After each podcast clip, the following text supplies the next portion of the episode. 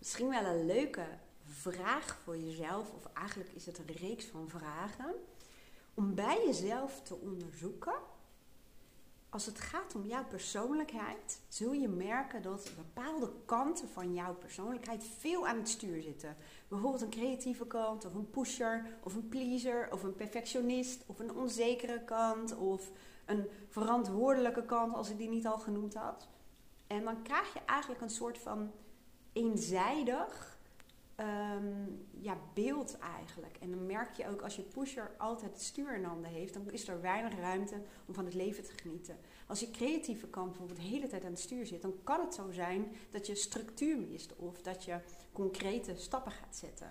Dus de vraag is ook, wat in jou zou je wat meer in je leven of je werk naar voren willen halen? Wat zou je nou enorm helpen als je daar meer gebruik van kan maken of dat meer in jezelf zou voelen?